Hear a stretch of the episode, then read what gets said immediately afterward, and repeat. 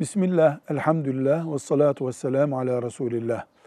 Abdeste yıkamak farz olan organlardan birisinde yara olan veya yaranın üzerine yapılmış pansuman, sargı bulunan, yara bandı bulunan birisi abdest alırken ne yapacak? Örnek olarak mesela bu orta parmağımda bir yara olduğunu düşünelim. Bu yarayı da ben yara bantıyla kapattım. Ya da kolda büyük bir yara var, onu kapattım. Ya da yüzde bir yara var. Veya yara yok ama bir tedavi görüyorum ve doktor mesela üç gün yüzünü yıkamayacaksın, su değdirmeyeceksin dedi.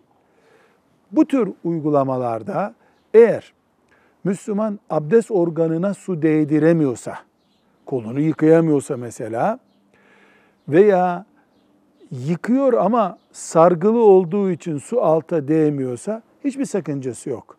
Doktorun yıkama dediği yeri Müslüman yıkamaz.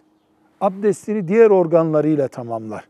Mesela bazı tedavilerde gusül abdesti de almayacaksın. Üç gün, bir hafta banyoya girmeyeceksin deniyor. Aynı şey geçerli.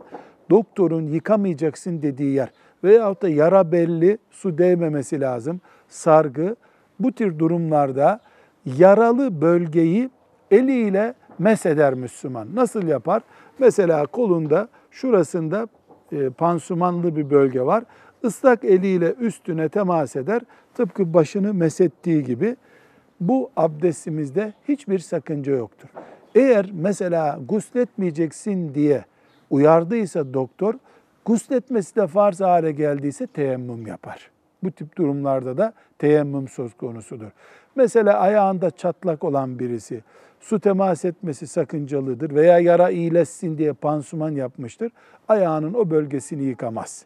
Pansumanın üstünden elini temas ettirmesi, ıslak elini temas ettirmesi yani mesetmesi yeterlidir. Velhamdülillahi Rabbil Alemin.